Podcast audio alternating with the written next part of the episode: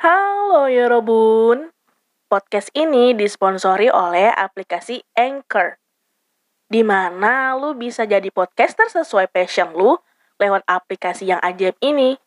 Just download di App Store atau Play Store ya. Sekarang, selamat mendengarkan Bagu Podcast. Karena apa?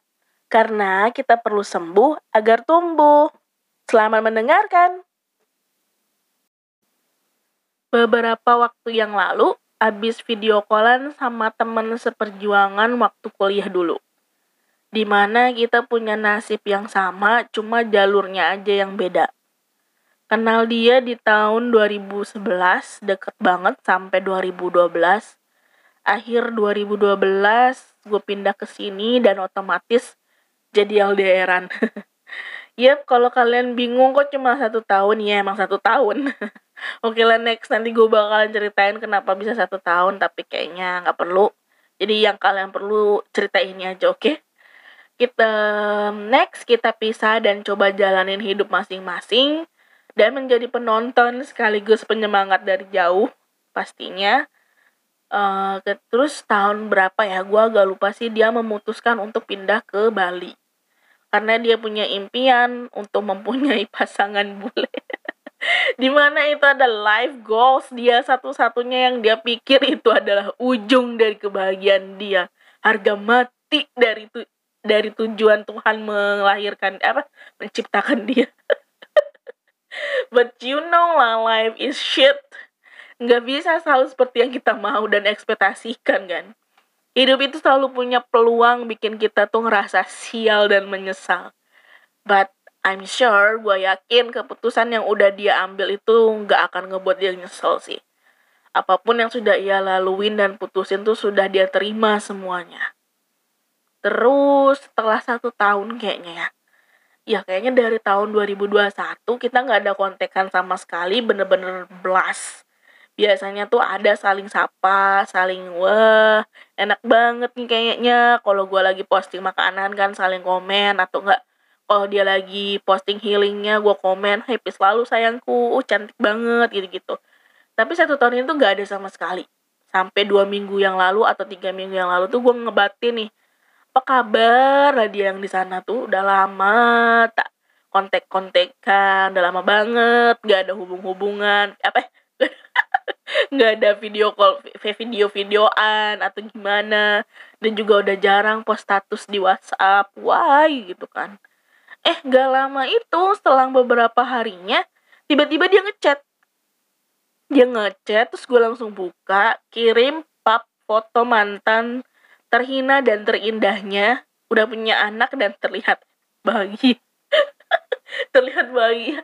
Lihat not dia apa lihat notif dari dia tuh gue seneng banget dong. Ya udah gue langsung video call aja dia dan kita ngobrol sampai tiga jam lebih ngalur ngidul bener-bener cerita apa yang terjadi selama kita nggak kontekan sharing-sharing dan dari banyak hal yang gue suka dari dia dia itu selalu negur gue dia itu selalu apa ya talk uh, about making me change, be better gitu lah. Pokoknya dia pengen gue tuh baik secara physically atau dari mentally, pokoknya dari semuanya tuh baik lah gitu.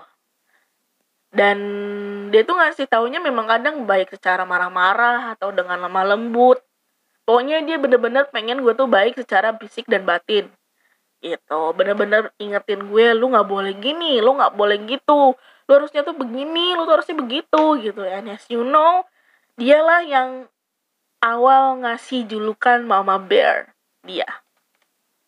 Dia yang pertama uh, orang yang pertama kali memberikan julukan mama bear buat gue pas awal kuliah dulu dan dulu tuh kan gue ngekos nih deket kampus dia nggak ngekos terus karena kita sering nongkrong bareng, ketawa hahihi bareng, ngerjain tugas bareng. Dan dia juga sempat main juga ke kosan gua, akhirnya dia tuh pengen ngekos. Dan pengen satu kosan sama gua. Kebetulan masih ada kamar yang kosong, ya udah deh ngekos bareng sama dia. Dan selama ngekos bareng itu tuh banyak juga sih momen bahagia, sedih. Cuman ada sih yang momen menyedihkan banget saat itu. Di mana waktu gue lagi susah-susahnya, inget banget gue puasa pas puasa itu nggak salah ya pas puasa sendirian di kosan gak ada orang karena yang lain kan puasa saat 2011 itu kan lagi ah 2011 2011 apa 2012 ya? Pokoknya iya 2011 deh kayaknya. Puasa saat itu kan kayaknya lagi di bulan-bulan November atau Oktober gitu kalau nggak salah. Jadi lagi pas um, berbarengan dengan libur semester. Nah semua teman-teman pada pulang kampung dong.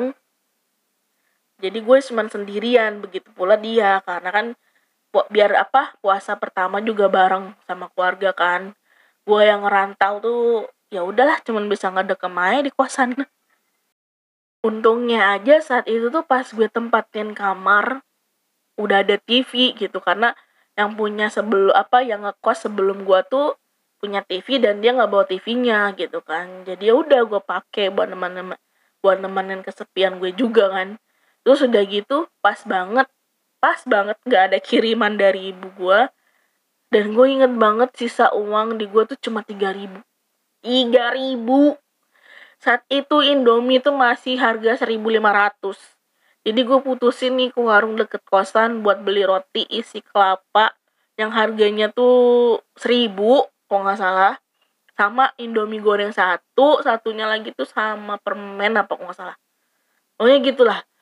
Jadi pas buka gue makan permen sama roti sahurnya gue makan Indomie mentah. Sambil nangis sendirian pas banget ada acara sahur lagi lucu-lucunya komeng adul sama almarhum Olga kalau nggak salah. Lagi lucu tuh padahal tapi gue mah nangis sungguh meratapi hidup gini amat hidup di rantauan gitu kan. Terus besokannya pas mau menjelang buka si temen ini sms gue gitu kan. Terus karena gue juga nggak ada pulsa buat bales lama kali kan gue balas sms dia jadi dia telepon tuh nanya lu di mana? Puasa nggak? Sahur apa? Sahur sama apa tadi? Bla bla bla gitu kan. Gue nggak bisa jawab gue cuma bisa nangis. Dan dia langsung bilang ya udah lu ke rumah gue aja. Pinjam uang ke bapak kos buat ongkos ke sini. Ntar kalau balik ke kosannya gue ganti duitnya. Dan saat itu gue nggak mau kan. Ya gila segen lah gitu kan. Cuma dia bener-bener maksa dan bilang mau jadi apa lu kalau di kosan sendirian? gitu kan udah nggak ada apa-apa juga ya udah ke rumah gue aja buruan sekarang gitu. Jadi ya udahlah akhirnya gue nurutin juga kan perintah dia bener-bener. Karena gue juga saat itu bener-bener nggak tahu mau gimana juga. Nggak tahu juga mau makan apa ntar uang nggak ada sama sekali. Udah habis belas. Sampai di rumahnya gue bener-bener disambut sama ortunya juga welcome banget. Terus dia bilang udahlah bener uh, di sini aja udah di sini makan sama-sama gitu kata orang tuanya juga dan itu adalah kebaikan yang gak akan pernah gue lupain seumur hidup gue gitu loh. Di balik sikap atau sifat dia yang belak-belakan galak judes ketus tapi care-nya dia itu yang bener-bener bikin gue nyaman banget sama dia. Yang dia tuh bener-bener nerima gue apa adanya gitu loh. Sampai juga pernah gue diongkosin dia ke Bali nemenin dia healing. Bener-bener diongkosin gue cuma bawa badan doang sama baju-baju. Ih berkah bener-bener berkah banget gue punya teman apa punya teman kayak dia. Bersyukur banget bisa dipertemukan sama dia. Seseorang yang nggak bisa gue deskripsiin lagi baiknya gimana. Makanya dengan kebaikan yang udah dia kasih ke gue gue sebisa mungkin untuk tularin itu ke orang lain yang membutuhkan juga. Cuman sayangnya saat gue nularin kebaikan itu ada maksud di kebaikan itu. Jadi di saat visi itu kan juga gue bilang juga kan ke dia curhat juga lah. Gue udah berusaha baik sama si A, sama si B, sama si ini itu, tapi kayaknya usaha gue nggak dinilai baik, gak dibales baik juga. Terus dia tuh dengan gam apa dengan nada dia yang agak tenang, dia menggampar gue dengan kata-katanya yang benar banget 100% valid no berdebat no kecot dia bilang saat lo berbuat baik ada tujuan yang lo buat di perbuatan baik lo itu ya itu bukan ikhlas namanya. Yang namanya berbuat baik ya udah berbuat baik aja nggak perlu lo mengharapkan balasan. Sama nih kayak lo ngasih duit ke pengemis 50 ribu. Nih gue kasih ya duit kalau nanti kalau lo ketemu gue balikin lagi ya duitnya. Ya enggak kan? Gak bisa juga.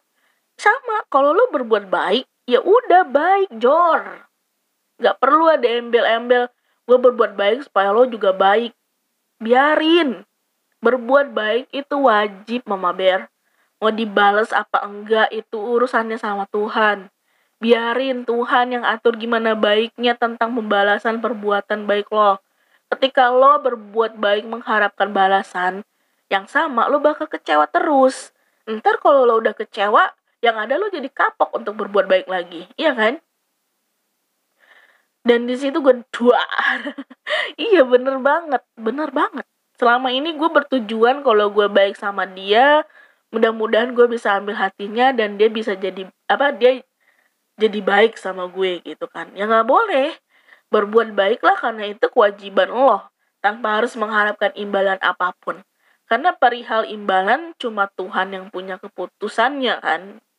Sih dan bukan itu aja sih yang menjadi pembicaraan panjang kita dan benar-benar berkesan dan bikin gue agak sedikit tenang gitu loh. Dari semua yang udah pernah gue kenal dan pernah menjadi teman gue, baik itu sohib atau apa pun, dia sih pemenangnya. Dia pemenang untuk kategori the best loyal friend in my life.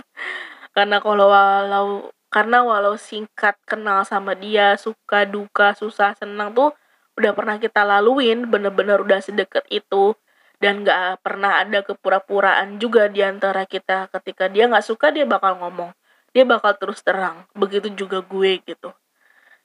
Nanti nantilah suatu saat kalau dapat gue dapat izin dari dia gue bakal ceritain cerita tergoblok dan tergokil yang udah dia laluin ke gara mantannya yang indah plus hina itu tadi sampai dia kesurupan anjrot gue sendirian nih kos. Ah pokoknya itu gila. Setelah kesurupan itu dia kena usus buntu. Dan segala kesianan lainnya yang mind blowing banget. Gila gara-gara satu mantan itu doang. Nanti um, gue juga usahain supaya bisa ngajak dia nge-podcast bareng. Ntar tunggu aja. Gue bakalan kenalin dia ke kalian. The best friend that I ever had. Oke, segini dulu cerita kerandoman dari gue. Kalian sehat-sehat ya. Semoga kalian juga punya seseorang yang bisa kalian andalkan. Dan kalian juga bisa menjadi orang andalan bagi teman kalian. Semangat terus, bestie. Love you, bye.